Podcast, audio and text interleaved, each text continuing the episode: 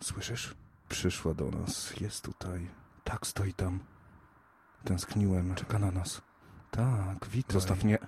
Brakowało mi ciebie. Nie po- nie. Dobrze, że jest. Nie pozwól jej, nie, nie podchodź do drzwi, nie otwieraj! Potrzebuję cię. Witaj ciemności, moja sekretna kochanko.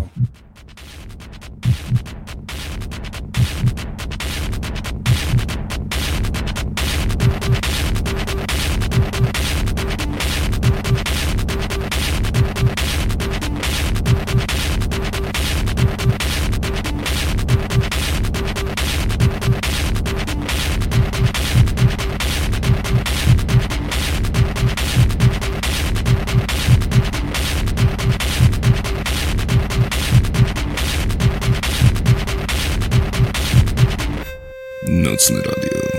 Bez litości.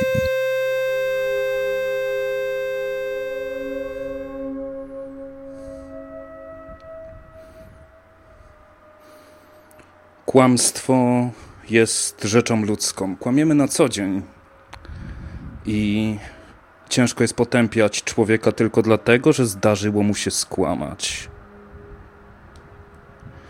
Natomiast czymś nieludzkim i czymś całkowicie obrzydliwym jest w momencie, gdy zostaniemy przyłapani na kłamstwie, dorabianie kolejnych kłamstw do tego, tylko po to, żeby obronić swoją historię. I o ile to są drobne kłamstewka, jeżeli próbujemy się wytłumaczyć z drobnych rzeczy, które nie mają tak naprawdę dużego znaczenia, o których za tydzień wszyscy zapomną, o których po dwóch dniach naprawdę nikt nie będzie miał do nas pretensji, to jeszcze pół biedy. Co zrobić jednak, gdy straciło życie 80, ponad 80 osób, w tym kobiety, w tym kobiety w ciąży, w tym dzieci. A ty kłamiesz tylko po to, żeby zachować swój stołek. Pomysł na audycję wziął się jakieś półtora miesiąca temu, kiedy na jednym z programów te telewizyjnych potknąłem się o dokument opowiadający o masakrze w Waco, o oblężeniu w Waco. Niektórzy z Was prawdopodobnie będą pamiętali masakrę z roku 1993, w której to przez niemal dwa miesiące otoczono potężną farmę, potężny budynek, w którym skrywali się ludzie z sekty Gałę, Gałąź Dawidowa, gdzie w końcu budynek spłonął doszczętnie, gdzie zginęło mnóstwo osób, w tym czterech agentów. Lecz z samej sekty zachowało się około 20 osób. Reszta straciła życie.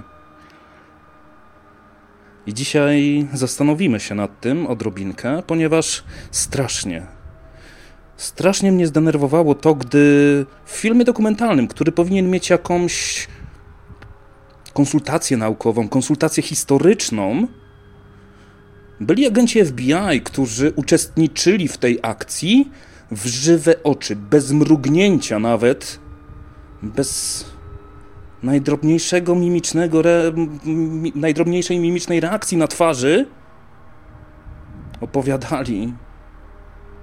Próbowali się w zasadzie tłumaczyć z zarzutów, które powstały później na podstawie analiz materiałów, które zostały upublicznione w tym tragicznym wydarzeniu, że nie, wcale tak nie było. Że białe jest czarne. I tak naprawdę nie zrobiliśmy nic złego. Dzisiaj opowiem Wam historię o oblężeniu w Waco. Tragiczną historię i nie będę ukrywał, że nie mam dziś dla Was tylko i wyłącznie prawdy. Natomiast pewne rzeczy wiem na pewno. Pewne rzeczy zostały potwierdzone jako prawdziwe, pewne rzeczy zostały też potwierdzone jako fałszywe. Wnioski z publicznych analiz, z publicznych raportów. Pojawi się też nieco moich opinii na ten temat i chciałbym, żebyście brali poprawkę na to. Jeden z materiałów źródłowych, na który możecie się potknąć, szukając informacji na własną rękę, będzie film dokumentalny Prawda o Waco. Od razu chciałbym Was uprzedzić, że nikt nie może sobie uzurpować tej prawdy, ponieważ nikt tej prawdy nie zna. ponieważ jest za dużo dziur w tej całej historii. Dziur, które możemy wypełnić tylko i wyłącznie swoją wyobraźnią i rachunkiem prawdopodobieństwa. I to właśnie postaram się dzisiaj zrobić. Jeżeli jesteś z gałęzi Dawidowej, Chrystus żyje na schorzałym kawałku ziemi, zwanym Górą Karmel, 10 mil na wschód stąd. Ma dołeczki, twierdzi, że skończył 9 klas podstawówki. Poślubił swoją żonę, gdy miała 14 lat. Lubi żłopać piwo, gra kiepsko na gitarze, bawi się glokiem 9 mm i trzyma arsenał wojskowych karabinów szturmowych. I chętnie przyznaje, że jest grzesznikiem, któremu nikt nie może się równać. Tak o sekcie Gałąź Dawidowa mówiła lokalna prasa. Waco, miasteczko w stanie Teksas, które nieco przypomina ziemię obiecaną opisywaną w Biblii. Płaski teren, gorący i suchy klimat, rudawa gleba, wszystko się dodaje. Gałąź Dawidowa jest odłamem od adwentystów dnia siódmego jest e, organizacją, która w trakcie, w trakcie oblężenia była sterowana przez Davida Koresza, który również swoje imię i nazwisko zmienił na potrzeby, żeby odrobinkę bardziej poczuć się Zbawicielem, odrobinkę bardziej poczuć się Dawidem. Warto tutaj zaznaczyć, że e, David Koresz przewodnictwo swojej sekty również przejął w wyniku szturmu na Mount Carmel, na bardzo duży budynek, w którym mieścili się, e, w którym mieściło się, mieściła się ta sekta. I broń Boże, nie chcę go wybiera, wybielać. To był bezwzględny, zły człowiek. Natomiast, jak się później okazało, troszkę mu jednak przypisano. Troszkę jednak mu przypisano cech, których tak naprawdę nie posiadał i które stanowiły niejako uzasadnienie, wymówkę do przeprowadzenia ataku który został przeprowadzony.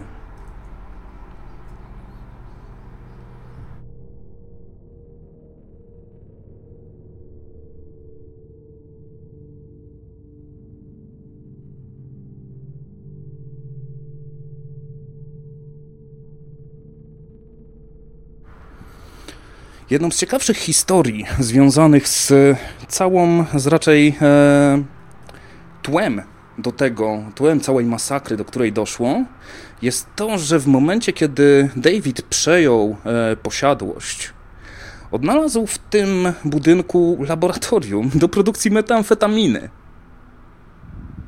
Co świadczyło o tym, że poprzednia liderka, z którą swoją drogą miał romans, gdzie on spędził sam w tej sekcie 7 lat, zanim, e, zanim przejął dowództwo, e, no nie finansowali swoich, e, swoich farmazonów w sposób zgodny e, z prawem. To, co zrobił David Koresz, zadzwonił na policję i powiedział: Ej, słuchajcie, znalazłem laboratorium do produkcji metamfetaminy, weźcie coś z tym zróbcie, bo nie chcę mieć potem z tym problemów.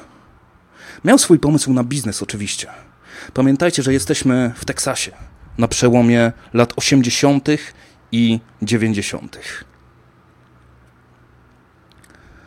I David Koresz znalazł fantastyczny sposób na finansowanie swojej działalności. Zaczął skupować i sprzedawać broń na różnego rodzaju zlotach miłośników broni, których w Teksasie kompletnie nie brakuje. Działał w sposób całkowicie legalny. W momencie masakry, w zasadzie Tutaj ciężko jest mówić o momencie masakry, ponieważ trwało to naprawdę bardzo dużo i sobie prześledzimy mniej więcej minuta po minucie najbardziej istotne fragmenty z całej historii. Należy, należy jednak zaznaczyć, że w oficjalnej linii później wypowiadanej przez agentów FBI jest to, że, że zbierał sobie cały ten arsenał tylko po to, żeby przygotować się niczym Jim Jones e, e, na wielką masakrę, na wielką bitwę, którą przepowiadał ze swojej księgi, ze swojej Biblii, którą interpretował po swojemu, a za jego charyzmą szli ludzie, jak w każdej innej sekcie. Tak. Mówił o dniu ostatecznym. Jednak nie mówił o walce takiej, jak przypisuje mu, jak przypisuje mu się obecnie. Mówił o otwarciu siedmiu pieczęci, co można naprawdę przeróżnie e, zinterpretować, natomiast w trakcie oblężenia, które trwało ponad dwa miesiące, bardzo doprecyzował ten swój apokaliptyczny, tę swoją apokaliptyczną przepowiednię. Ale o tym za chwilę. Sąsiedzi, którzy mieszkali w pobliżu Mount Carmel, dość pozytywnie wypowiadali się o swoich dziwnych sąsiadach. Dziwacy z tamburynami, którzy chodzili, śpiewali, którzy mieli swoje ogródki, którzy nie wychodzili na zakupy do miasta, ale mimo wszystko nie przeszkadzali im w żaden sposób, a oprócz tego byli też bardzo pomocni, jeżeli chodzi o kwestie związane z uzbrojeniem. Nie było tutaj żadnego zaskoczenia, że e, David, jego, jego sekta skupowała broni e, dość zmęczoną, zużytą, doprowadzała do jej renowacji później na kolejnym, na, na kolejnym gunshow sprzedawała je e, z zyskiem. Dzięki temu mogli się spokojnie, mogli się spokojnie utrzymać trzy słowa o farmie, o tym potężnym budynku, który stanowił centrum, centrum dowodzenia sekty, który. E, no właśnie, jeszcze, jeszcze tylko słówko o Davidzie, który swoje dowództwo w sekcie przejął na podstawie tego, że stwierdził, że jest zmartwychwstałym Jezusem. Oczywiście waszej interpretacji pozostawiam tło i kto mu wierzył, ale to też będzie dość istotne w dalszym ciągu historii. E, wspólnota prowadziła swoją działalność handlu bronią w sposób całkowicie legalny według prawa w stanie Teksas. Zabawne jest, że kiedy szukałem informacji dotyczących ilości arsenału, który znaleziono po dokonaniu oblężenia, to 85 półautomatycznych karabinów, takich jak AK-47, AR-15 i M16 oraz 144 sztuki broni schowane w betonowym schronie wewnątrz budynku. Natomiast parę zdań dalej w raporcie mówi się, że odnaleziono około 300 sztuk broni palnej. Gdzieś nagle wyrosło dodatkowe 100, nie wiem. No właśnie, sam budynek. Jak zapewne się spodziewacie, po architekturze amerykańskiej był to budynek zbudowany z drewna i kartonu. Wewnątrz e, miał jedno pomieszczenie, e, które możemy nazwać schronem, które było faktycznie betonowe, które miało e, solidne, solidne wejście, a także wyjście ewakuacyjne, można, można tak powiedzieć, ukryte wyjście ewakuacyjne. Jeżeli pamiętacie, a część z Was na pewno pamięta nagrania z Waco, to doskonale pamiętacie to, że całość skończyła się wielkim, wielkim pożarem. Jednak po drodze stało się dużo bardzo podejrzanych, bardzo dziwnych rzeczy. 130 mężczyzn, kobiet i dzieci mieszkało w tym budynku. Mieli 200 do 300 sztuk broni. Co mogło z tego wyjść? Historia dzieli się na trzy podstawowe części. W 1993 roku przeprowadzono, przygotowywano się do pierwszego rajdu, do e, pierwszego nalotu. Uzasadnieniem bardzo dużej siły ognia, którą zastosowano w tym, e, w tym nalocie. Mianowicie 75 agentów federalnych, trzy helikoptery e, zasiedlone przez 10, 10 strażników e, z Gwardii Narodowej Teksasu, systemy przeciwrakietowe, zwykłe kamery, strzelby, pistolety 9 mm, karabiny automatyczne, karabiny snajperskie. Dlaczego udało się, no właśnie, no mamy sektę, która jest kontrowersyjna, która nie ma najlepszego PR-u, gdzie przypisuje się um, jej liderowi, no chociażby pedofilię, co, co ciekawe nie zostało potwierdzone, ponieważ e, nie ma żadnego dowodu, jak również żaden ze świadków nie zeznał, by e, David był uwikłany w pedofilię, natomiast faktycznie otaczał się i pro, propagował um, zawieranie takiego jakby braterskiego paktu z dziećmi w wieku 12-14 lat, które właśnie poprzez tę dziecięcą Bożą naiwność miały wspomagać ich wiarę. W żadnym nagraniu, w żadnym dowodzie, który ostał się do czasów obecnych, nie ma kontekstu seksualnego. Nigdy nie zostało to w żaden sposób udowodnione. Wróćmy jednak do bardzo dziwnego 28, e, 28 lutego, kiedy to dokonano pierwszego nalotu. No właśnie, skąd helikoptery? ATF, która e, jest to agencja, która zajmuje się e, alkoholem, tytoniem i bronią, rzeczami, które są w jakiś sposób reglamentowane przez państwo i które śle która śledzi wszelkiego rodzaju nieprawidłowości, oczywiście chciała położyć łapę na tym arsenale. Oczywiście w dobrej intencji, obawiając się, że ktoś, kto e, posiada tyle broni, no może być niebezpieczny. Już pomijając to, czy handlowali, czy nie handlowali, czy mieli zezwolenia, czy nie, ten ziomek był naprawdę niebezpieczny. Natomiast dlaczego aż helikoptery? Uzasadniono to w oficjalnym wniosku w przygotowaniu do akcji tym, że miał tam kiedyś laboratorium metamfetaminy i że podejrzewają go dodatkowo o, e, o, e, o produkcję i handel narkotykami, co spowodowało pozwoliło na wyciągnięcie dodatkowej siły, żeby zaatakować ten przyczółek. Laboratorium, które sam zgłosił do usunięcia natychmiast, kiedy się o nim dowiedział.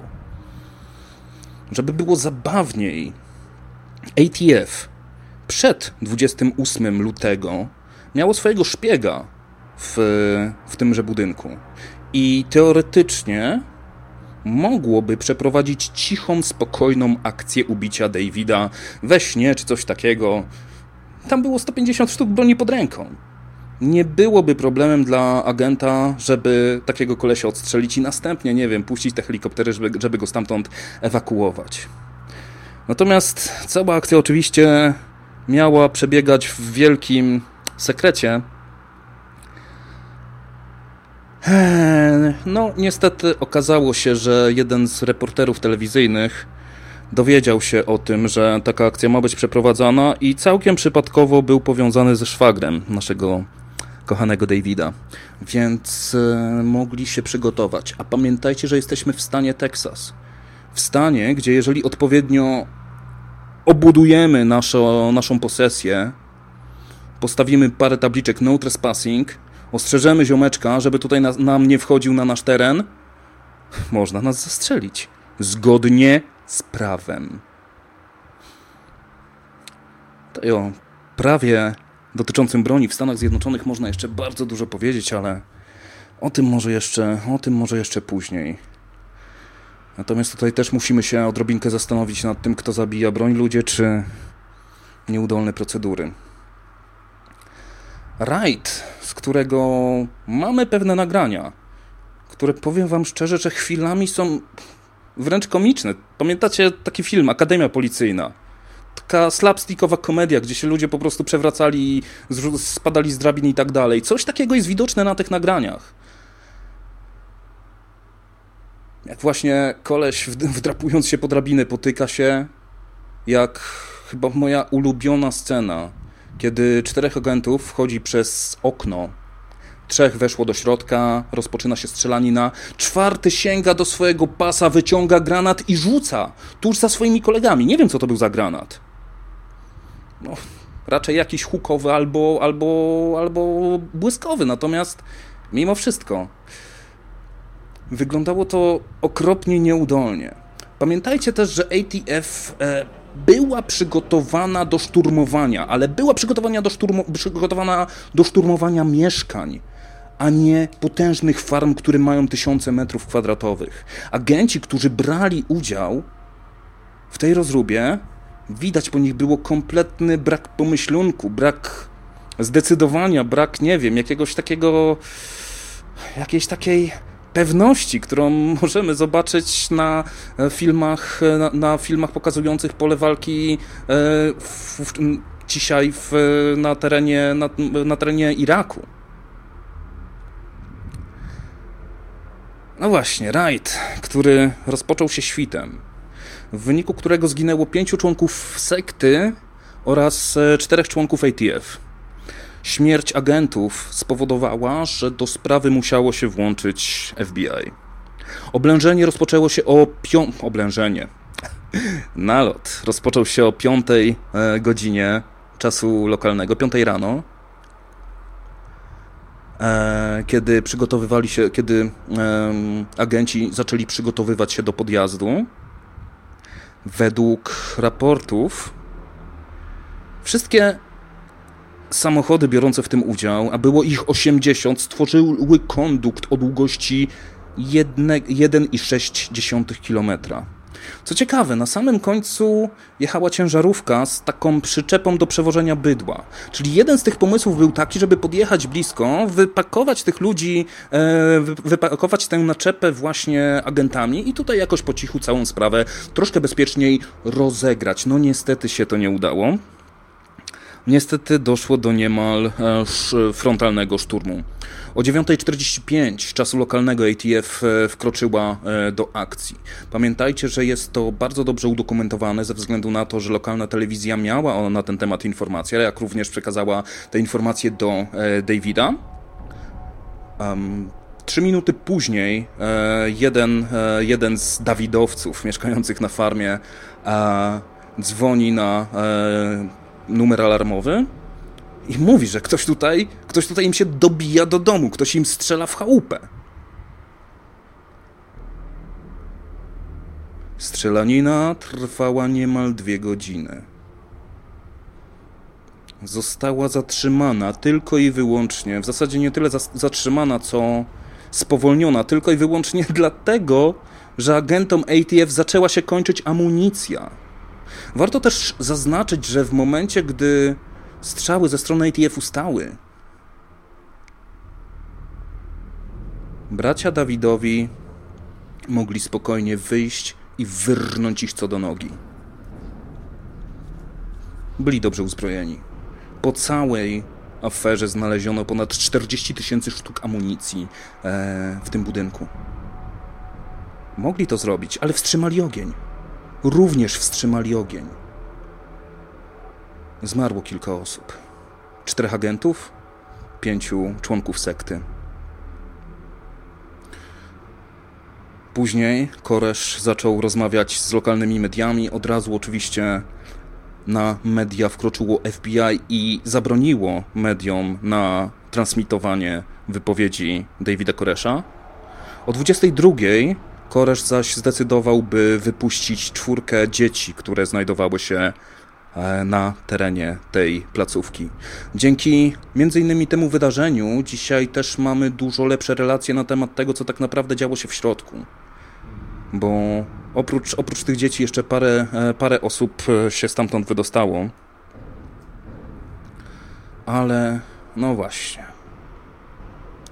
O 22.05 Koresz udzielił ostatniego wywiadu dla lokalnej telewizji, której, nie wiem, chyba FBI niedostatecznie przycisnęła.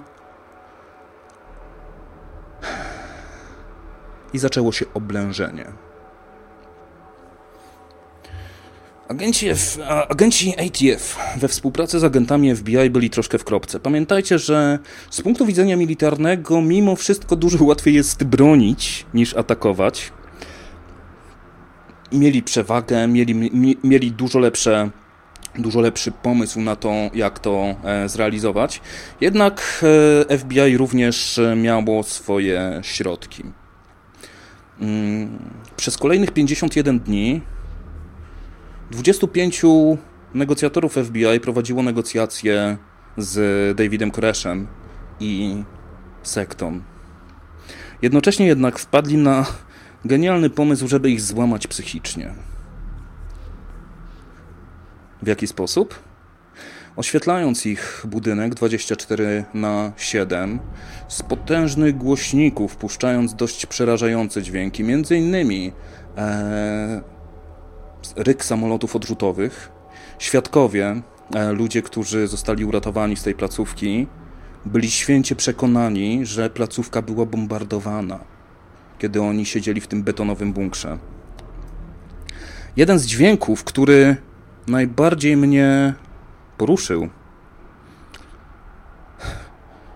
który nie do końca tak szczerze mówiąc dowierzałem w momencie, kiedy o tym czytałem, było to, że puszczano im dniami i godzinami dźwięk zażynanego królika, dźwięk zażynanych królików. E, także moi drodzy, jeżeli macie wrażliwe nerwy, wyciszcie sobie teraz radyjko na 5 sekund. Przepraszam, na 30 sekund. Niezbyt miła treść za 3, 2, 1.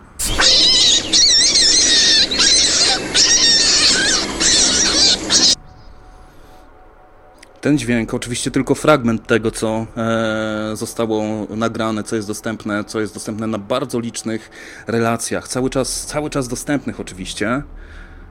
Okej, okay, to było 5 sekund. To było 5 sekund zażynanego królika, ale oni to słyszeli przez 51 dni. Na zmianę ze szczekającymi psami, na zmianę z rykiem samolotów, na zmianę z rykiem wystrzeliwanych bomb, na zmianę z rykiem strzałów. Oprócz tego odcięli im wodę, oprócz tego odcięli im prąd. Oprócz tego cały czas ich, o, cały czas ich oślepiali, żeby ci biedni ludzie, kobiety i dzieci również, nie mogli spać.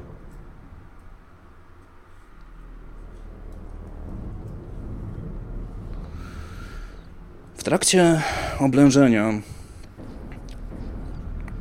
działo się również troszkę innych dziwnych i chorych rzeczy.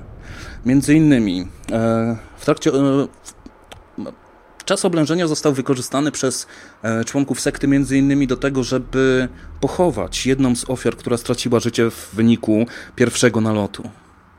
Pochowali jednego ze, swo ze swoich zastrzelonych w pierwszym ataku przed domem. Agenci ATF wysłali tam czołg. Zaczęli jeździć w przód i w tył, rozkopując, rozkopując świeżo zrobiony grób, masakrując jego ciało. I to jest ten czas, kiedy sam lider sekty wycofał się ze swoich apokaliptycznych zamiarów, w którym kiedy powiedział, że wystarczy tylko spisać siedem pieczęci, by dopełnić przepowiednię, jaka by ona nie była. Zachęcił również część wyznawców do opuszczenia farmy, 11 osób. Zostali oni od razu aresztowani przez agentów, postawiono im zarzuty, e, zarzuty morderstwa. Tych czterech agentów, których wcześniej e, musiano znieść ze sceny. Jednak pamiętajmy, że cały czas jesteśmy w Teksasie. A właśnie, skąd wiemy? Skąd wiemy, co powiedział Koresz?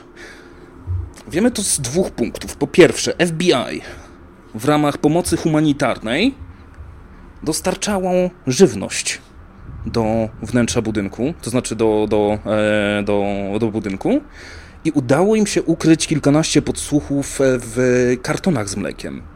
Dzięki czemu mamy szczątkowe relacje E, z rozmów, z prywatnych rozmów, kiedy, kiedy nie wiedzieli, e, kiedy sekta nie wiedziała, że jest podsłuchiwana, ponieważ ten, ta wtyczka, o której wam wcześniej mówiłem, niestety o tej wtyczce David dość szybko się dowiedział i e, ów agent został wyproszony przed, przed pierwszym nalotem. Wiemy również, ponieważ wraz z, z pomocą humanitarną do budynku dostarczono również kamery, gdzie FBI zachęcało ludzi, żeby nagrali, po prostu nagrali, żeby zostawili coś po sobie. Co ma mniej więcej sens, co nie wiem, co już tu, czy już tutaj coś podejrzewali, że wszystko, co z tych ludzi zostanie, to właśnie te nagrania, gdzie jasno widzimy ludzi kompletnie przerażonych, którzy jasno mówią, że są otoczeni przez wojsko, bo jeżeli jesteś, siedzisz sobie w domu, jeżeli masz, nie wiem, jesteś kobietą i masz 25 lat, to dla ciebie mundur wojskowy jest mundurem wojskowym i nie obchodzi cię, czy na plecach napisane FBI, ATF czy Komando Foki. Ty widzisz czołg, który jeździ po grobie twojego przyjaciela. Ty widzisz dziesiątki ludzi, którzy stoją z pistoletami i karabinami wycelowanymi w twoje okna. I nie rozumiesz, kompletnie nie rozumiesz dlaczego.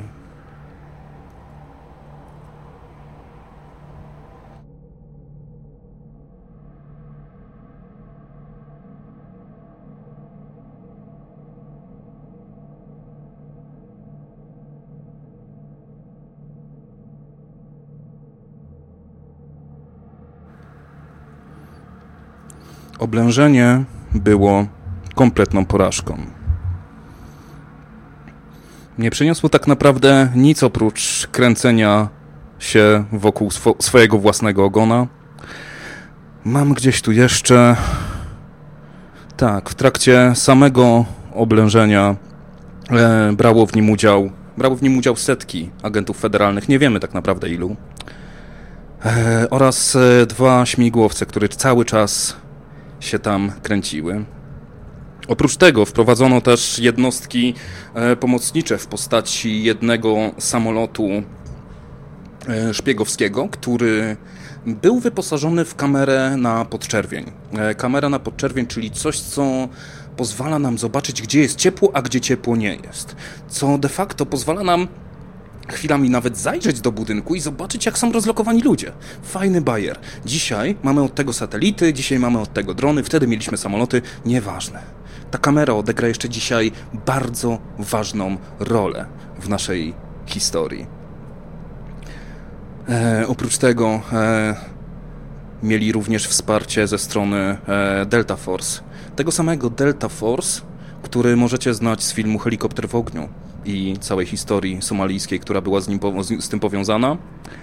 E, na, Gwardię Narodową Alabamy, e, dwóch e, starszych oficerów amerykańskiej armii jako doradców oraz dwóch członków brytyjskiej 22 e, e, Special Air Service no, jako obserwatorzy. Ponad 50, ponad 50 osób pełniło tutaj tylko i wyłącznie rolę wsparcia, nie odegrało jasnej roli.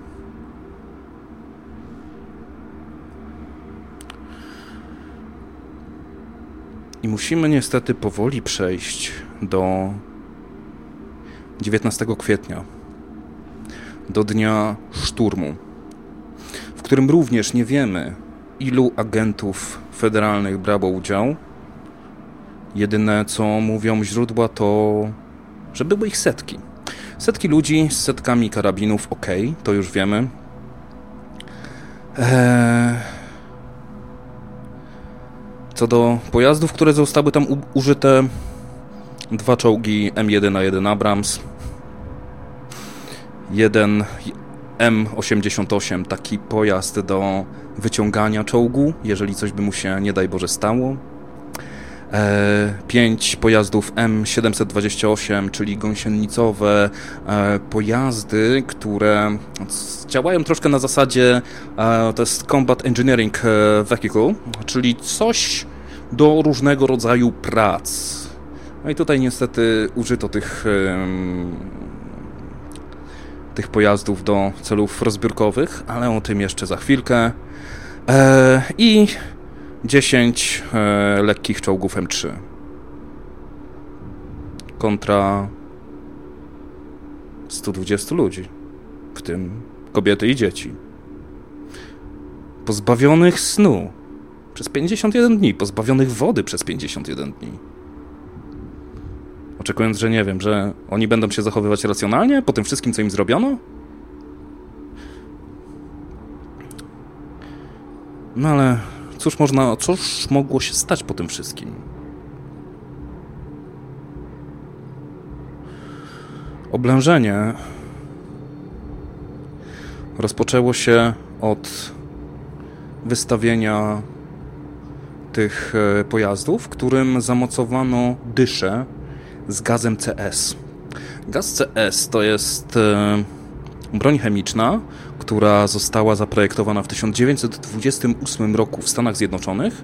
E, w 1954 oficjalnie została przyjęta do uzbrojenia amerykańskich sił zbrojnych. Później był stosowany podczas wojny wietnamskiej. Do mm, czasu masakry w Waco kompletnie nie, wie, nie było informacji na temat, jak ten gaz będzie się zachowywał w zamkniętym, e, w zamkniętym pomieszczeniu. A jednak mimo wszystko, że budynek był duży, no to było to zamknięte pomieszczenie. Chociaż nie do końca, ale też o tym za chwilkę. Zaczęto wtłaczać gaz. Członkowie sekty zebrali się.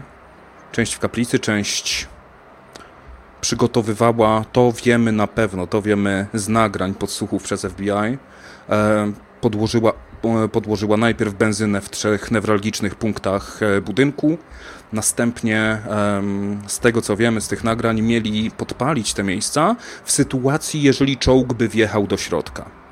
No nie był to do końca czołg, natomiast z zewnątrz, jeżeli coś jest duże, ma kąsienicę i jakiś dziób mu wystaje, jest to tak zdecydowanie czołg. Um, tylko problem był w tym, że oczywiście oni byli przygotowani, mieli, znali się na militariach, mieli maski gazowe. Tylko, że nie ma masek gazowych w rozmiarach dziecięcych.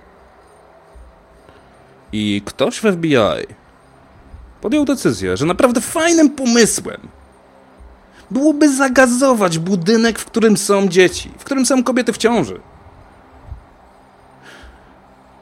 I tak, ci ludzie się zebrali, wytrzymali, wytrzymali w tych maskach, dzieciom próbowali owijać twarze ręcznikami. Nie jest do końca jasne, w jakich okolicznościach każda z tych osób zginęła. O części wiemy. O części wiemy na pewno, natomiast ci, którzy zginęli w wyniku, w wyniku e, działania gazu, trudno jest powiedzieć, ponieważ później rozległ się potężny pożar, ale to o tym po, będzie za chwilkę.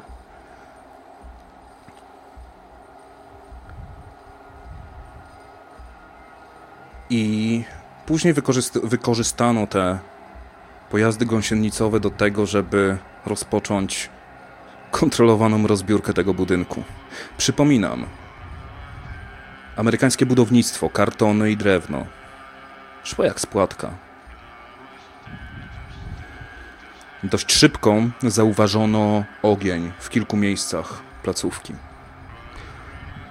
Ogromnym problemem tego dnia był wiatr, który dochodził do ponad 50 km na godzinę, a budynek który co prawda miał pozamykane okna, nie był szczelny. Z jednej strony był rozjechany z paru miejsc, z paru punktów przez czołgi, z drugiej strony był całkiem nieźle ostrzelany po, poprzedniej, e, po poprzednim nalocie z 28 lutego. Wobec czego wiatr sobie mógł dość swobodnie hulać, a dym dodatkowo szkodzić osobom, które znajdowały się w środku. Jednakże przez długie lata FBI utrzymywało, że jedyną metodą, którą. E, ponieważ jed, wówczas teoretycy spisku z lat 90. zarzucali, że działania ATF i FBI mogły wpłynąć na to, doprowadzić do tego pożaru.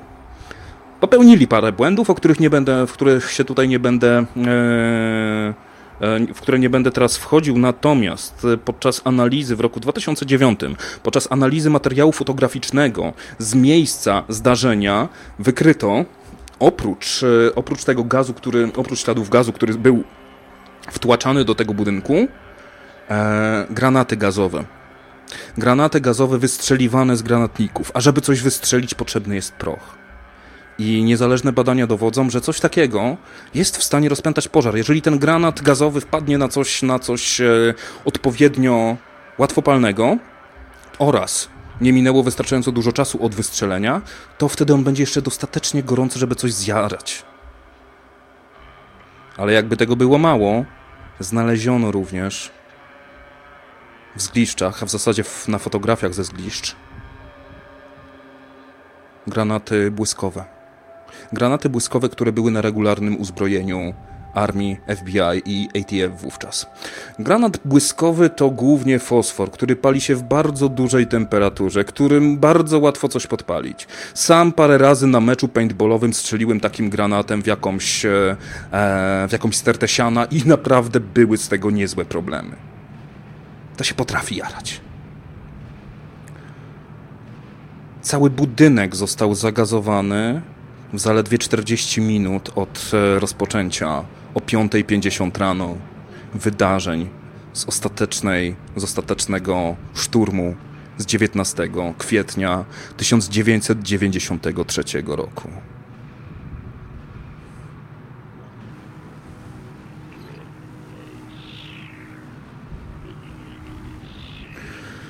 Pamiętajmy też, że był tam ów schron, w którym ci ludzie mogli się schować. 27 osób zdążyło dotrzeć do tego betonowego schronu, zamknąć drzwi i czekać na czekać na cud. O godzinie 10 jest e, dostrzegany mężczyzna, który wymachuje białą flagą na południowo-wschodniej części farmy. Zostaje wezwany przez głośniki, przez megafony, żeby wyszedł, ale tego nie robi. Nie wiemy, co dalej się z nim stało. No i właśnie, później rozpoczyna się potężny pożar.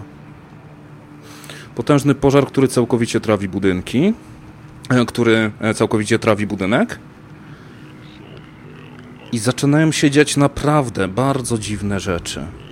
Na oficjalnych nagraniach, które były pokazywane również i w polskiej telewizji, widać jak pojazdy gąsienicowe wyposażone w spychacze zamiatają e, pozostałości tego budynku tam, gdzie się pali najbardziej. Jakby nie nazwać, jakby nie nazwać całej sytuacji, jest to miejsce zbrodni. Jest to coś podejrzanego. Jest to coś dziwnego jest to zacieranie śladów. To nie jest ognisko, to z liśćmi, które się rozgarnęły i które trzeba ogarnąć. Tam umierają ludzie. A ty swoim czołgusiem sobie jedziesz i wpychasz, żeby jak najwięcej się spaliło, żeby jak najmniej było no właśnie, nie wiem, co im przyświecało. Nie wiem. O godzinie 12.55 ogień zaczyna się dopalać. O 15.45 ciało Davida Koresza zostaje znalezione, gdzie zginął od rany postrzałowej w głowę, natomiast e, kąt strzału nie pozwala nam dzisiaj odpowiedzieć, czy zastrzelił się sam, czy ktoś do niego strzelił. Nie wiemy tego dzisiaj.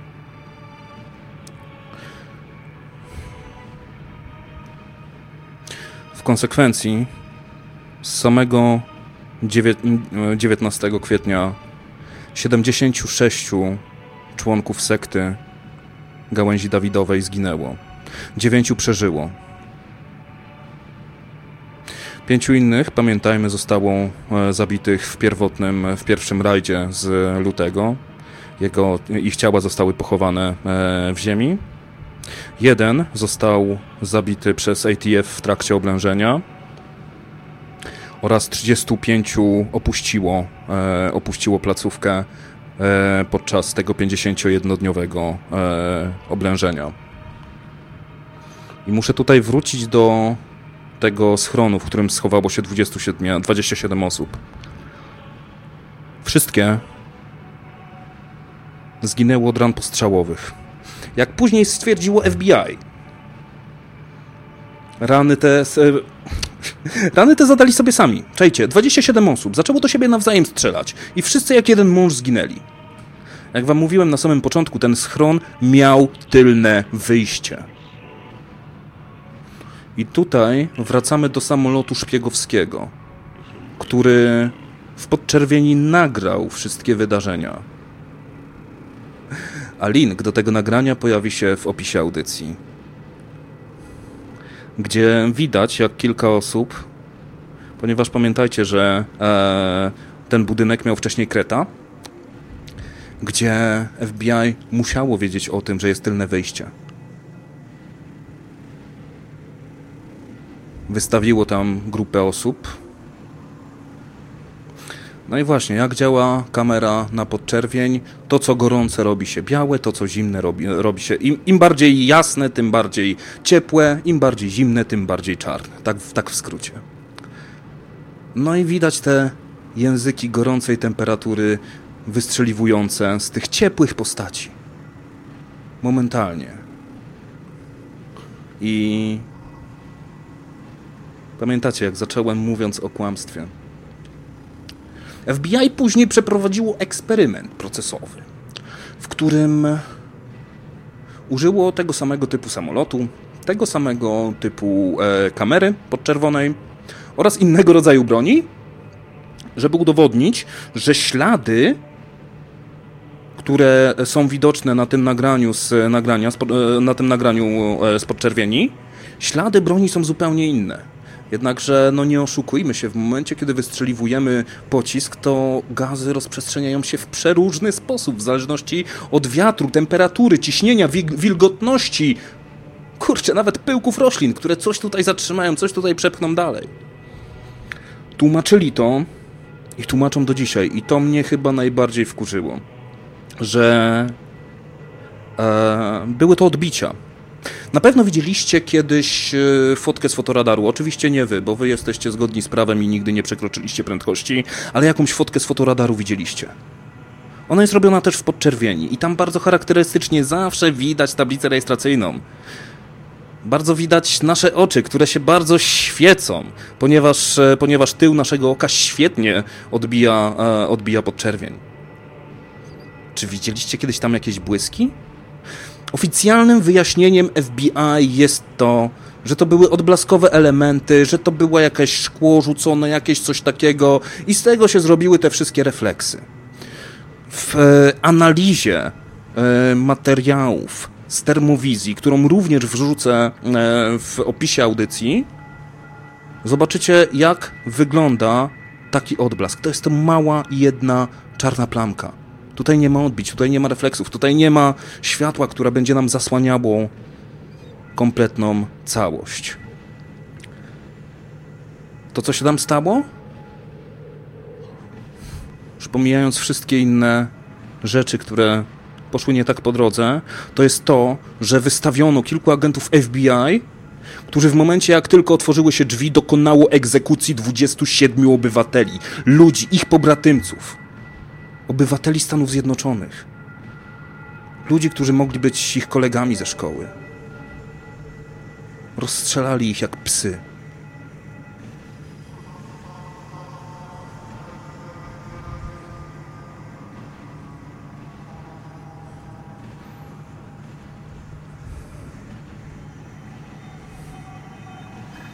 Wśród osób, które zostały, które się odratowały, z gałęzi Dawidowej.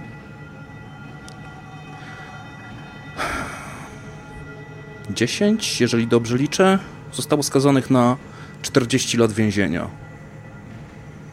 Za to, że uczestniczyli w ludobójstwie i używali broni palnej podczas na miejscu, na miejscu zbrodni. Żaden agent e, FBI przynajmniej nie udało mi się do tego dotrzeć, nie poniósł jakiejkolwiek odpowiedzialności cywilnej ani karnej.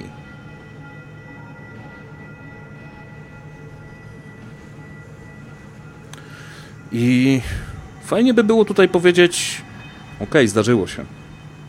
Fajnie, znaczy nie fajnie, ale dobra, było, trudno, nauczmy się czegoś. W 1995 roku Timothy McVie dokonuje zamachu na w Oklahomie, który jest największym atakiem terrorystycznym w Stanach Zjednoczonych do czasów 11 września. W swoich wypowiedziach jawnie mówi, że jest to zemsta za Waco.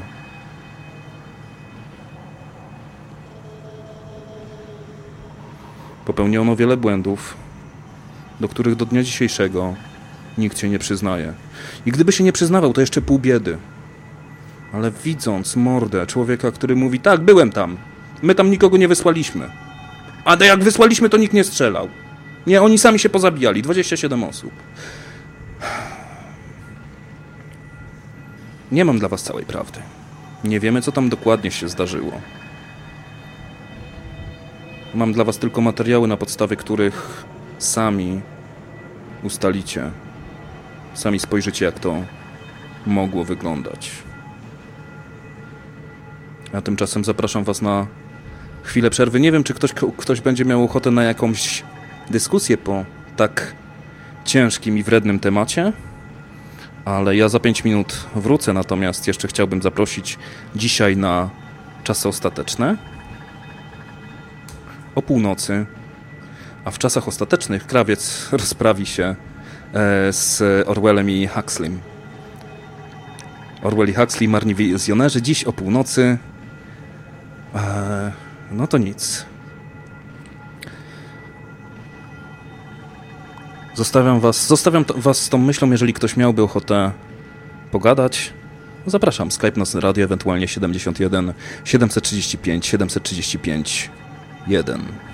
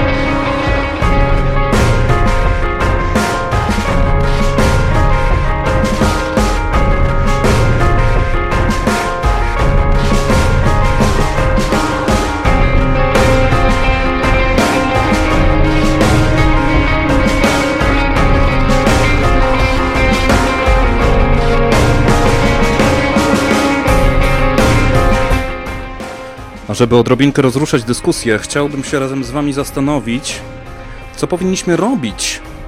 Może nie my nawet jako obywatele, ale my jako państwo z e, takimi sytuacjami, bo sekty istnieją. Istnieją sekty, które przeprowadzają zamachy, istnieją też sekty, które po prostu wy, wy, wy, wyrywają ludzi ze swoich rodzin. Czasami trzeba wysłać czołgi. Myślę, że tutaj wszyscy się zgodzimy. Pytanie, gdzie leży granica? Gdzie leżą granice nienawiści?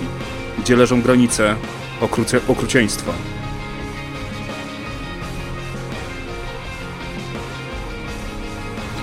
I mamy słuchacza na linii. Witam cię.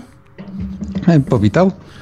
No właśnie, jak e, wiesz, bo to nie jest tylko Waco, też musimy sobie przypomnieć, że całość działa się niedaleko po, e, może nie tak niedaleko, ale paręnaście lat po aferze z Jimem Jonesem, w wyniku którego doszło do masowego samobójstwa ponad 900 e, osób.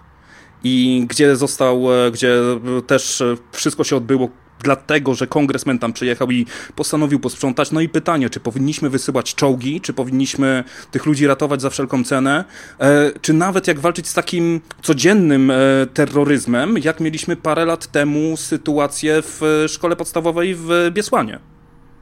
To znaczy, muszę się troszeczkę skarcić, ponieważ nie słuchałem od samego początku, a sprawę Waco e, nie kojarzyłem wcześniej.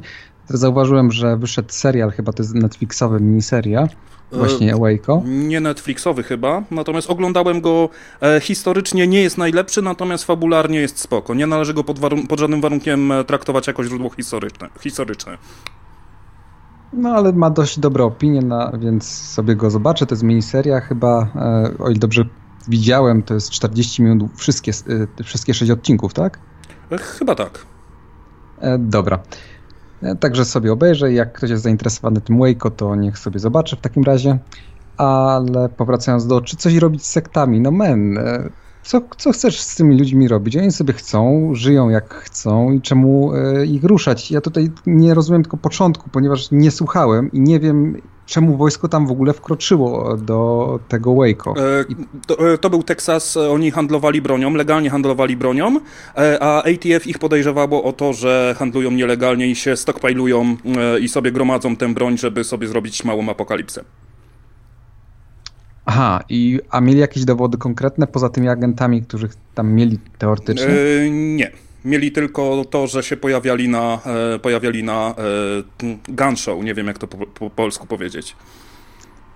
Pokazie broni. Na, no, na takich piknikach, piknikach zbrojeniowych w zasadzie, gdzie o, no. otwarcie się handluje bronią, ale całkowicie legalnie. Płacili podatki, wszystko było, wszystko było pięknie. To tutaj nie rozumiem za bardzo. Jeśli faktycznie coś robili strasznego, ale sobie żyli na tej pustyni, to było w odosobnieniu z tego, co patrzyłem na zdjęcia tego Waco. To nie było w jakimś mieście, budynek jakimś mieście, jakiś skład czy coś w tym stylu.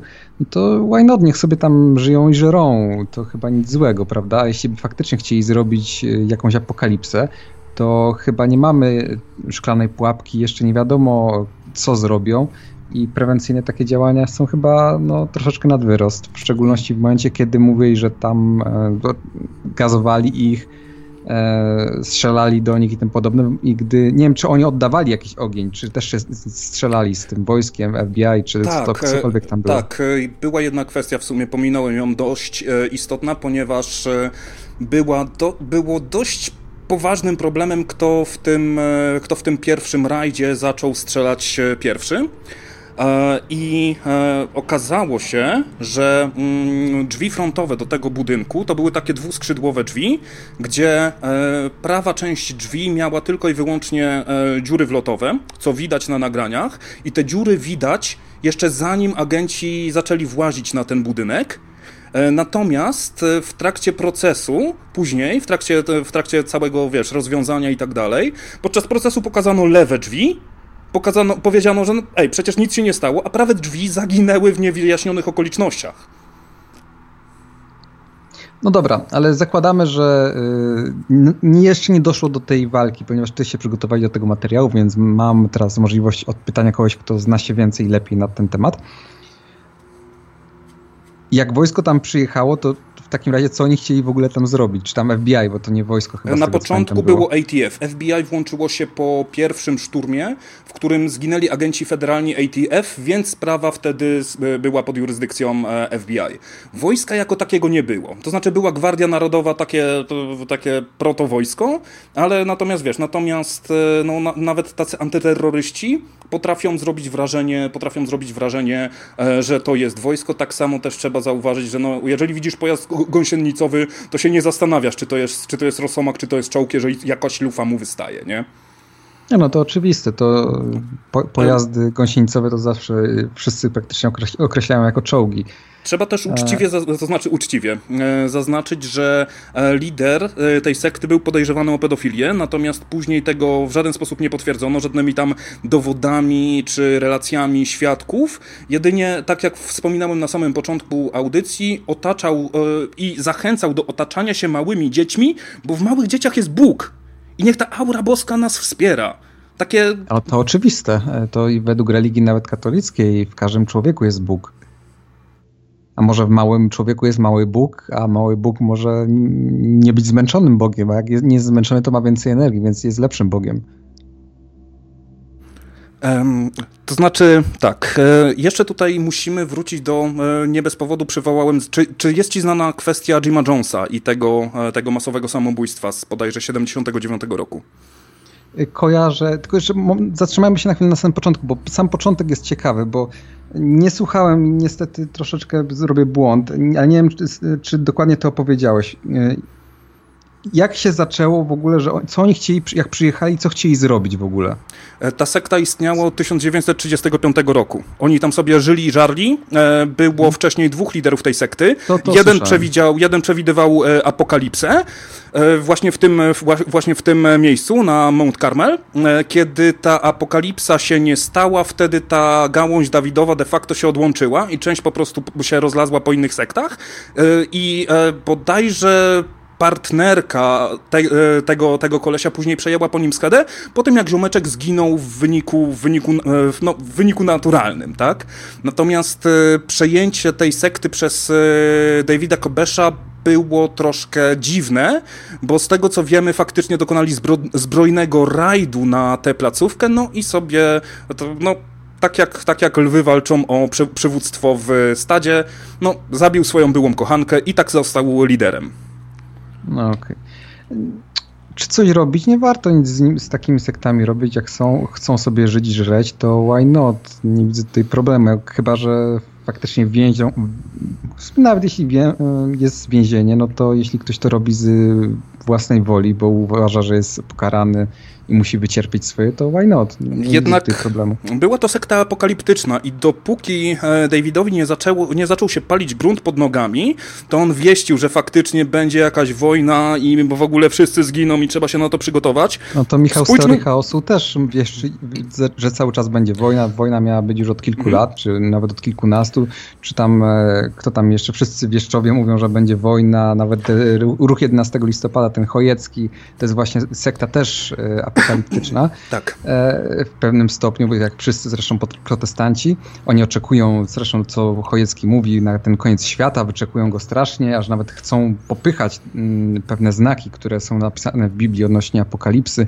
I żeby to, jest... to się wydarzyło coraz szybciej. Ale czy to jest powód, żeby im coś robić złego z tego powodu? I to jest ten problem. Jeżeli się przeniesiemy, bo mamy przywilej te, te, tego, że mieszkamy w przyszłości i możemy się przewinąć o dwa lata do przodu, do, do Japonii, do tokijskiego metra, do e, zamachu sekty Om Shinrikyo która też próbowała, która zagazowała tokijskie metro, w wyniku czego zginęło kilku ludzi, wielu zostało rannych i tak naprawdę e, gdyby coś takiego zrobiono w Ameryce, tu zapraszam do pierwszego odcinka bez litości dostępnego w archiwum, gdzie szeroko opisałem, e, opisałem tę historię, tak naprawdę ta niewielka liczba ofiar wynika tylko i wyłącznie ze, z, tak, z takiej stoickości kultury japońskiej, że jeżeli Japończyk słyszy przez megafon, proszę ostrożnie i powoli pójść w stronę wyjścia ewakuacyjnego, to on nie będzie biegał, nie będzie przeskakiwał i tak dalej, tylko powoli i spokojnie wyjdzie co zresztą też widać na nagraniach z e, tokijskiego metra, że oni tam powoli i spokojnie wychodzili i tylko dzięki temu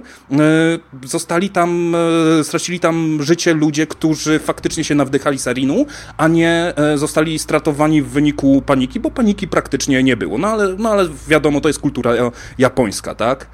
Więc no tutaj pytanie, czy jeżeli mamy sektę apokaliptyczną, która jeszcze do tego ma dryg do broni, to jest Teksas, tak? To, kurde, ja nie pojmuję teksańskiego myślenia. Więc y, trudno jest mi powiedzieć, czy faktycznie nie było gdzieś, wiesz, tak z tyłu głowy, okej, okay, my tutaj sobie handlujemy, ale w międzyczasie fajnie, fajnie by było, wiesz, fajnie by było jednak się przygotować na taką apokalipsę, gdzie też między innymi w tym, w tym arsenale znaleziono parę browningów na, e, na półcalowe naboje, którymi spokojnie możesz sobie samoloty zestrzeliwać. No to w takim razie, jak skoro byli e, sektą e, apokaliptyczną i chcieli wykonać tą apokalipsę, to czemu jak pseudo uważali wojsko otoczyło, czemu tego wojska nie zestrzeliwali, skoro mieli taki arsenał? Mogli tą apokalipsę wykonać, właśnie uznać, że to jest ten moment, to jest ta chwila i zacząć strzelać. Tak samo Chojecki z tego Idź pod prąd. Tak samo mają zdjęcia, jak są na strzelnicy, nawet oni mają chyba własną broń w domu, rodzina Chojeckich, e, mają pozwolenie na broń i pytanie w takim razie, czy im też zabrać, bo też są właśnie apokal- e, wierzą w apokalipsę. No właśnie to jest takie pytanie szeroko skierowane do słuchaczy. Zapraszam do dzwonienia Skype Nocne Radio. E, natomiast też e, jeden, jeden przykład, bo tam nie wiem, w którym, w którym mniej więcej momencie się podłączyłeś, bo nie wiem ile muszę skracać. O rany, jak już y, puszczali im zwierzątka. Aha, jak, jak puszczali zwierzątka, to spoko. Była jedna, jedna sytuacja, w której z płonącego budynku, to znaczy fragment budynku się zawalił i zostawił taką przerażoną kobietę, która tak nie do końca wiedziała, co zrobić i kilku uzbrojonych, kilku uzbrojonych typków przed nią. I ta kobieta ruszyła w kierunku płonącego budynku. Oni tam się rzucili na, na nią. Nie wiem, czy. Wiem, że, że ją zatrzymali. Nie wiem jak, no bo odległość, że tak powiem, swoje robiła, może strzelili jej w nogi, nie wiem, natomiast później e, w zeznaniach tłumaczyła, że ej, no ale wyście próbowali nas zabić, to co ja miałam do was iść? No a pytanie, czy jakbyś był e, w jakimś domku na prerii, który ma, jest dobrze, no uznajmy tak, że wojsko nie może tam wejść na ten teren, masz jakiś domek preriowy i nagle przyjeżdża ci co, jakieś siły zbrojne, łącznie z czołgiem, który tam podobno był jeden. E, dwa, no e, to, dwa, dwa Abramsy. Dwa Abramsy, no to widzisz dwa czołgi, to pytanie co, no chcą zrobić ci, e, przywitać się z tobą miło, czy coś chcą ci zrobić złego? No skoro chcie, chcą coś złego, no to właśnie po to są te czołgi. Chyba gdyby chcieli się przywitać i uścisnąć ręce, przytulić, to by nie potrzebowali tych czołgów, co nie? E, późniejsze, e, późniejsze e, opinie, w tym ekspertów, bardzo jasno podkreślają brak, kompletny brak współpracy tych agentów FBI, który, którzy puszczali króliki, z tymi agentami FBI, którzy prowadzili negocjacje. Oprócz tego należy bardzo wyraźnie podkreślić, że tych negocjatorów było 50. Ja nie znam się na negocjacjach, ja negocjacja znam, ja negocjacje znam z filmów. Natomiast, no, żeby przekazać komuś e, jakąś rzecz i tak dalej, i przez 50 osób przechodzi ten pieprzony, głuchy telefon, no to stary, to, to, to się nie uda. Tutaj no, no, jako, jako człowiek oblężony, z jednej strony, wiesz, nie dają ci spać, nie, tutaj, no, pra praktycznie cię katują. Za każdym razem, jak podnosisz słuchawkę, słyszysz, e, słyszysz kompletnie innego gościa, który też kompletnie ma zupełnie inną wizję. Tutaj FBI i ATF wyniosło bardzo ciężką lekcję, bardzo dużo włożyło pieniędzy w e, szkolenia, no, wyszło to jak wyszło, no ale Waco jest, e, to znaczy zdecydowanie służby amerykańskie, federalne służby amerykańskie przyznają się do tego, że popełniły pewne błędy w organizacji, w organizacji tego całego bajzlu. Nie przyznają się natomiast do tego, że faktycznie zamordowali cywili. No to tego nie wiadomo, zresztą mamy poszlaki, żeby twierdzić tak lub, nie, lub inaczej, ale chyba dowodu stałego nie ma na to. No, to, nie, dowód stały jest. Dowód stały jest w postaci nagrań z podczerwieni. E... Tak, tylko że pytanie, czy. Właśnie pisałem e, na czacie chyba i nie dostałem tego nagrania, więc nie mogłem sprawdzić. Szukałem, znalazłem na Vimeo jedno nagranie, ale tam chyba nic nie pasowało z tego. Wiesz co, wrzucę, więc... E, wrzucę, wrzucę w linkach pod audycją, bo mam po prostu dwa materiały przygotowane. Ja też nie chciałem się od notatek odrywać, okay. żeby e, nie popełnić żadnej, żadnej gafy. Natomiast jest jeszcze jedna rzecz, wracając do tego pierwszego wątku, dlaczego ATF weszło, ponieważ faktycznie o jednej rzeczy zapomniałem. Kurde, jak, nie wiem, może pamiętasz e, ten e, koleś, który dokonał niedawno, w zeszłym roku masakry w Las Vegas? On miał jakiś taki, jakąś taką przystawkę do spustu, która sprawiała, że z broni półautomatycznej mógł strzelać dużo szybciej. No tak. Tak, i te, te same przystawki, e, tymi samymi przystawkami zdarzało się handlować Davidowi i ich kumplom. Ale one są legalne. No Używanie ich jest nie, nielegalne, ale on, przystawki są jak najbardziej legalne. Witamy i ona, on, w legislaturze on, Stanów Zjednoczonych.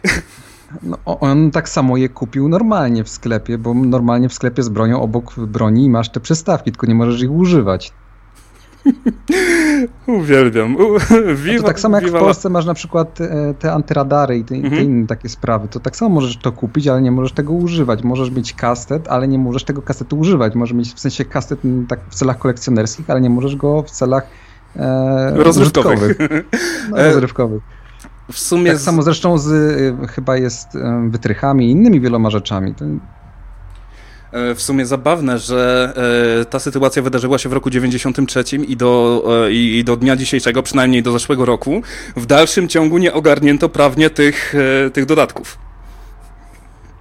No ale co mają ogarniać? No kawałek plastiku chcesz zakazać? Jak coś, to będą sobie drukowali na 3D. No, ale... To jest de facto kawałek plastiku, który... Tak, za... ale, ale to jest, wiesz, ale to jest jak z narkotykami. Im trudniejszy zrobisz dostęp, to wtedy cały czas ogarnięci sobie załatwią, ale jacyś tam gówniarze nieodpowiedzialni już nie dadzą rady, nie? No ale co chcesz zakazać? Kawałek plastiku chcesz zakazać? No. Znaczy, znaczy nie wiem, ja nie mam tutaj dobrego rozwiązania, tak? O z jednej strony rozumiem, bo w ogóle sekty to jest temat paskudny i jeszcze troszkę sekt się w najbliższej przyszłości e, u mnie pojawi, bo jest to do żerowania na, na biednych, tak, ludziach, którzy mogą, którzy nie wiem, którzy mogą być naszymi braćmi, siostrami, matkami, ojcami i dziećmi, E, którzy kiedyś w coś takiego wpadną i ciężko, bardzo ciężko będzie ich stamtąd wyciągnąć i będziemy musieli naprawdę włożyć potężne siły, żeby ich stamtąd wyrwać, bo to się po prostu myślenie przestawia. E, natomiast też jest coś takiego, że jest e, pewien model osobowości, który jest bardziej podatny na sekty i to są ludzie samotni. To są ludzie w średnim wieku, ludzie samotni, którzy, którzy na przykład rozwiedli się, E, którzy, na, e, których dzieci mają ich w głębokim poważaniu i zwyczajnie potrzebują do kogoś otworzyć mordę. I oni wiedzą, że są wykorzystywani, oni wiedzą, że są okłamywani, ale i tak przystąpią tylko i wyłącznie dlatego, żeby mieć z kim pogadać, a później... To jeżeli, sprawia przyjemność. Tak, a później, jeżeli będziesz... E, E, o Helter Skelter opowiem kiedyś, tak, Floki opowiem. E, tak, sprawia im to przyjemność i są gotowi po prostu, wiesz, no oddać swoje życie, żeby przenieść się do tęczowego świata kucyków pony. Ale to jest właśnie fajna sprawa. To tak samo jak sobie weźmiesz książkę i będziesz fajną książkę czytał, czy wejdziesz fajny film, czy fajną bajkę, przeniesiesz się na chwilę do tego świata. Wiesz, że to jest uda, y, wiesz, że możesz na przykład oglądając tą bajkę stracić pracę, bo nie pójdziesz do pracy, bo będziesz maratonował bajkę non-stop, y, jakiś Naruto czy inne gówno. I w ogóle nie przestaniesz wychodzić. Wiesz, znasz tego konsekwencje, ale przedkładasz te konsekwencje nad przyjemność. I myślę, że z sektami jest podobnie po prostu. Zwyczajnie, gdyby nie chcieli tego robić, to by tego nie robili. To im sprawia przyjemność i tyle. Nawet jeśli mają wyprane te mózgi, to jednak mają wyprane mózgi pozytywnie chyba, tak? Bo gdyby było negatywnie, to by uciekali. To tak jak masz zbitego psa, uderzysz psa, to pies spierdoli. Na, nawet jeśli cię kocha, wychowałeś tego psa, to jak będziesz go uderzał wystarczająco długo, to po prostu ucieknie, tak? Może później będzie próbował wrócić, ale to jest naturalny instynkt. Niby tak, natomiast zauważ, że dość charakterystyczną wspólną cechą wszystkich sekt jest to, żeby pozbawić cię możliwości powrotu do czegokolwiek, ponieważ oddajesz swój dom, swoje pieniądze na wspólnotę i masz wikt i opierunek, tak? Masz zapewniony byt, masz, zapewnione, e, masz zapewnioną chałupkę, masz zapewnioną świeżą, organiczną marchewkę i pyszną wieprzowinkę nawet czasami. Ale w momencie... Jeszcze w niedzielę y, Kościół Chojeckiego. I w niedzielę Kościół Chojeckiego, natomiast wiesz, że jeżeli wyjdziesz z tego budynku, no wiesz, to tutaj też się zastanawiam, co. Kurde, chciałbym kiedyś tak osobiście porozmawiać z kimś, kto był albo jest w sekcie, tak?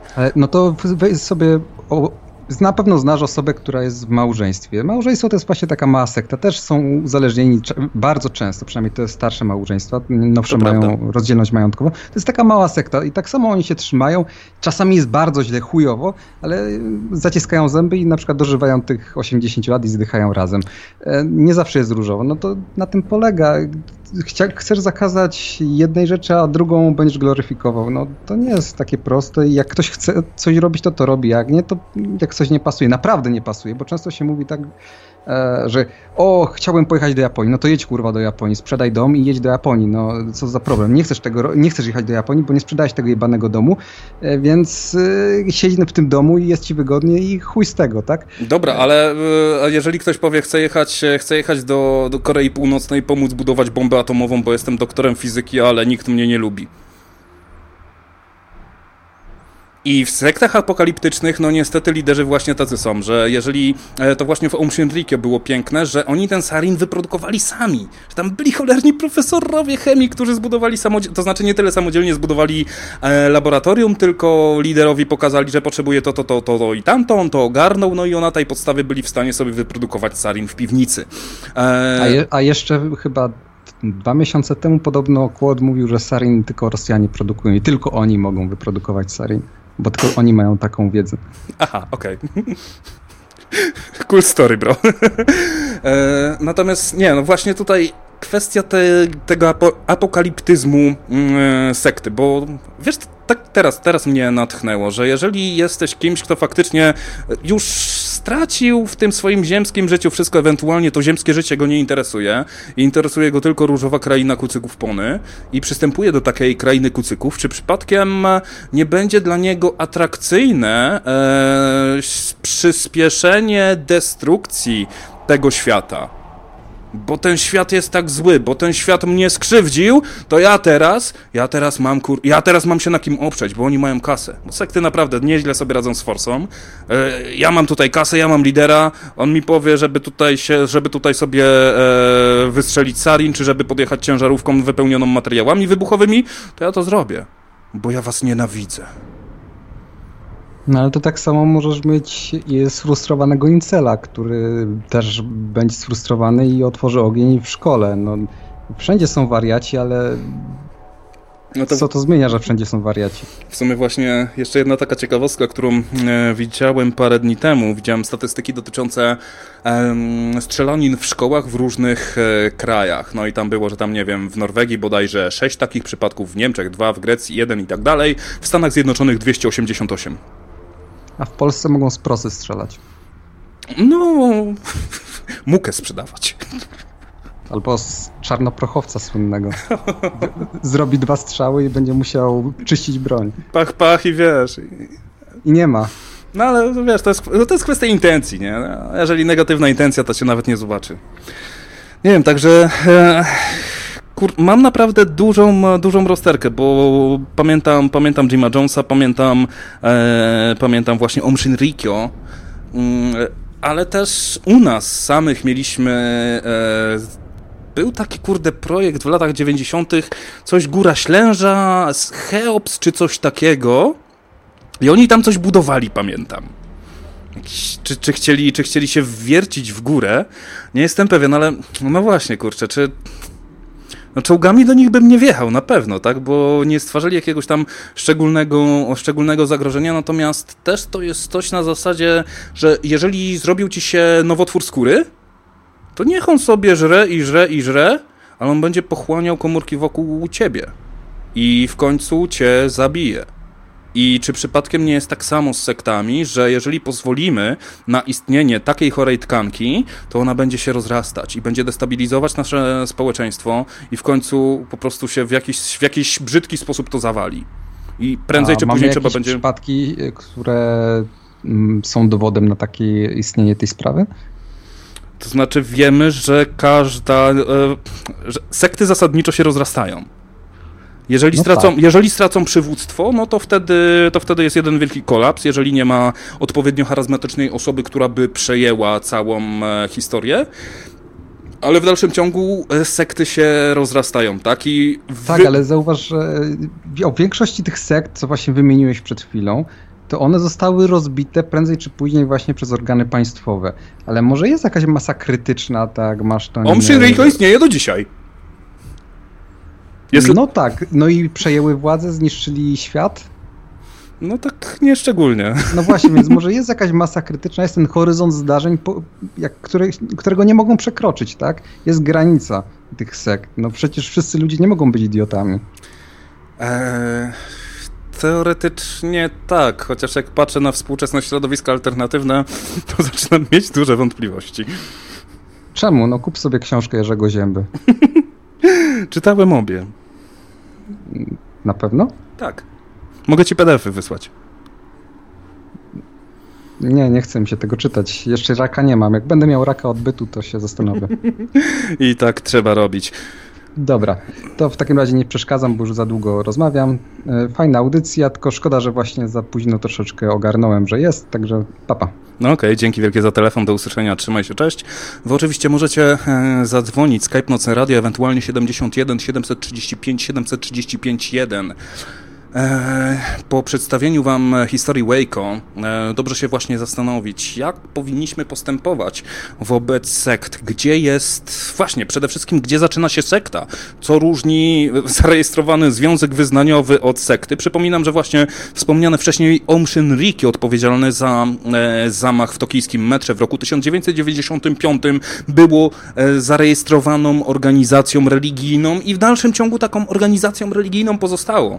Oczywiście już nie ma takiego wpływu, oczywiście już teraz są śpiewy modły i bieganie z tamburynem, oczywiście teraz to jest zdrowa żywność i e, wszystko ładnie, pięknie, ale pytanie, pytanie właśnie do nas, jak się jak się, możemy, e, jak się możemy zastanowić? I tutaj Aspreol dość ciekawe, ciekawie zaznacza, że jak się nażre, stanie się religią państwową. Po jakimś poziomie ludzi normalnych będzie e, po prostu więcej, natomiast też e, warto spojrzeć na środowiska radykalne w, związane z religią islamską które są takim troszkę, które bardzo zalatują sekciarstwem, bo żeby w ogóle, żeby mieć 18 lat i oddać swoje życie w imię Boga, no kurde, mamy XXI wiek, ludzie kochani, no i trzeba mieć jednak troszkę wyprany mózg, żeby w tym, e, żeby w tym kierunku pójść.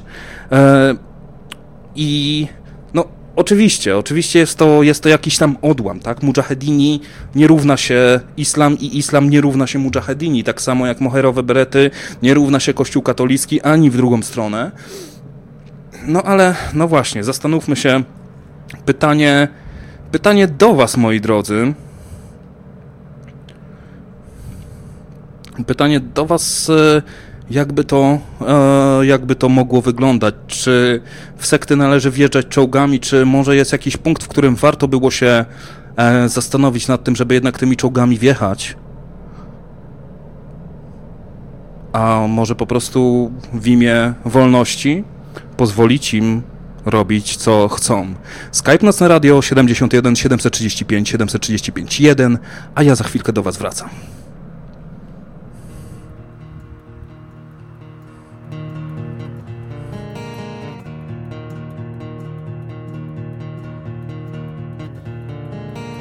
Ես ոչ անդունեմ, ոչ էլ դարակիր, ունեմ անկրվան, ունեմ օտևան, ազատ հայրենիք, երջանիք երգիր, երջանիք, երջանիք երգիր,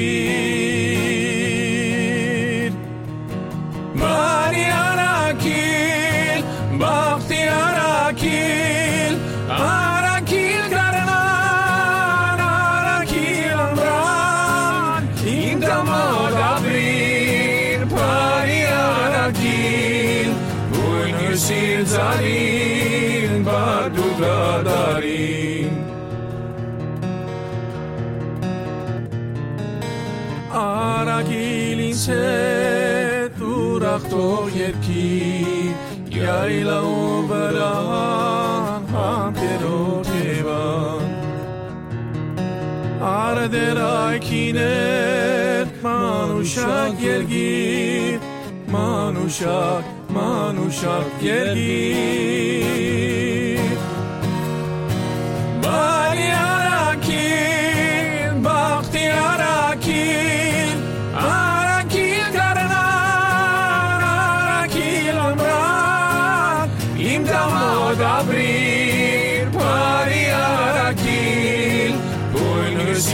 Dani Bardu Gadari Inda Madari Pani Araki Ulusir Dani Bardu Gadari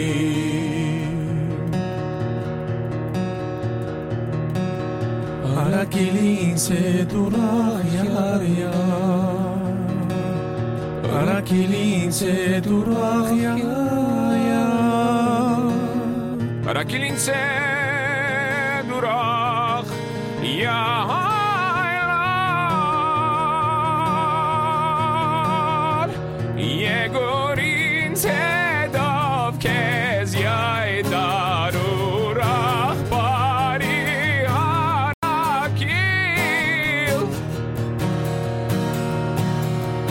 amor.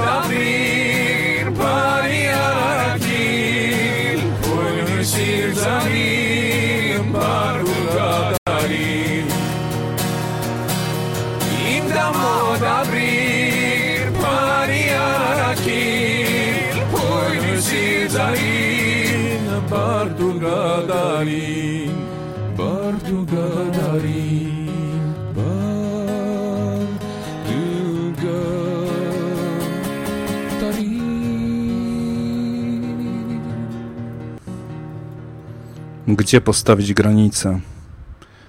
Gdzie powinniśmy się zatrzymać? Gdzie powinniśmy wysłać czołgi? Gdzie powinniśmy wysłać negocjatorów?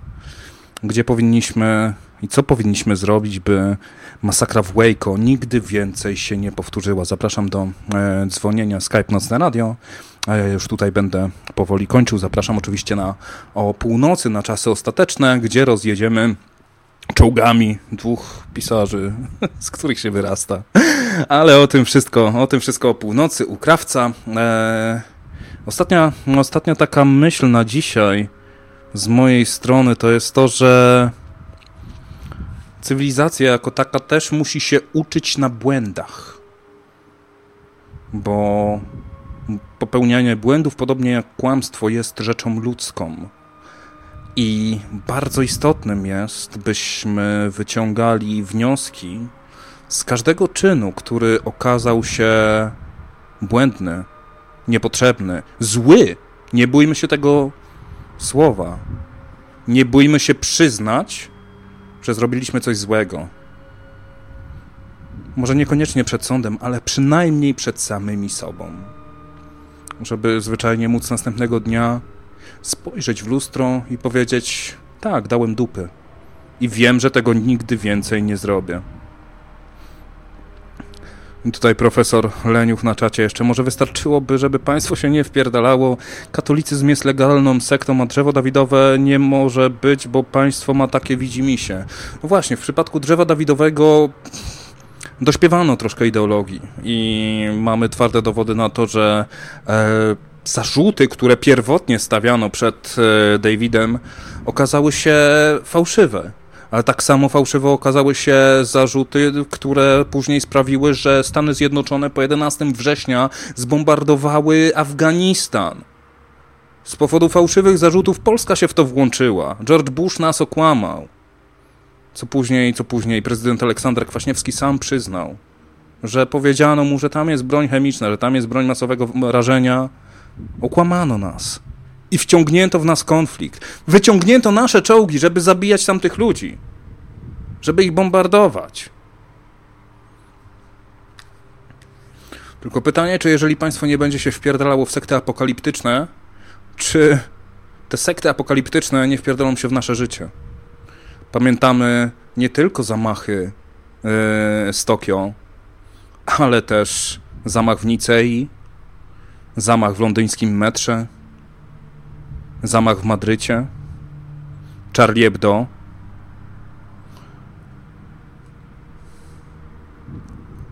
Coś ostatnio mam dla Was bardzo mało odpowiedzi. Jedynie stawiam pytania. No właśnie.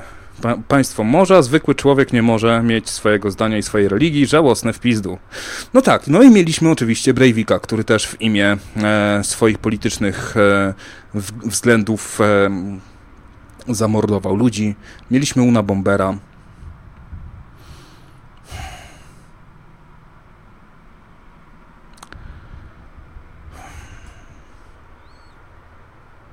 Zostawiam was z tym. Zostawiam was z tym pod e, rozwagę własną. Ewentualnie dajcie znać w komentarzach. Postaram się jeszcze dzisiaj wrzucić e, linki, o których, o których e, mówiłem.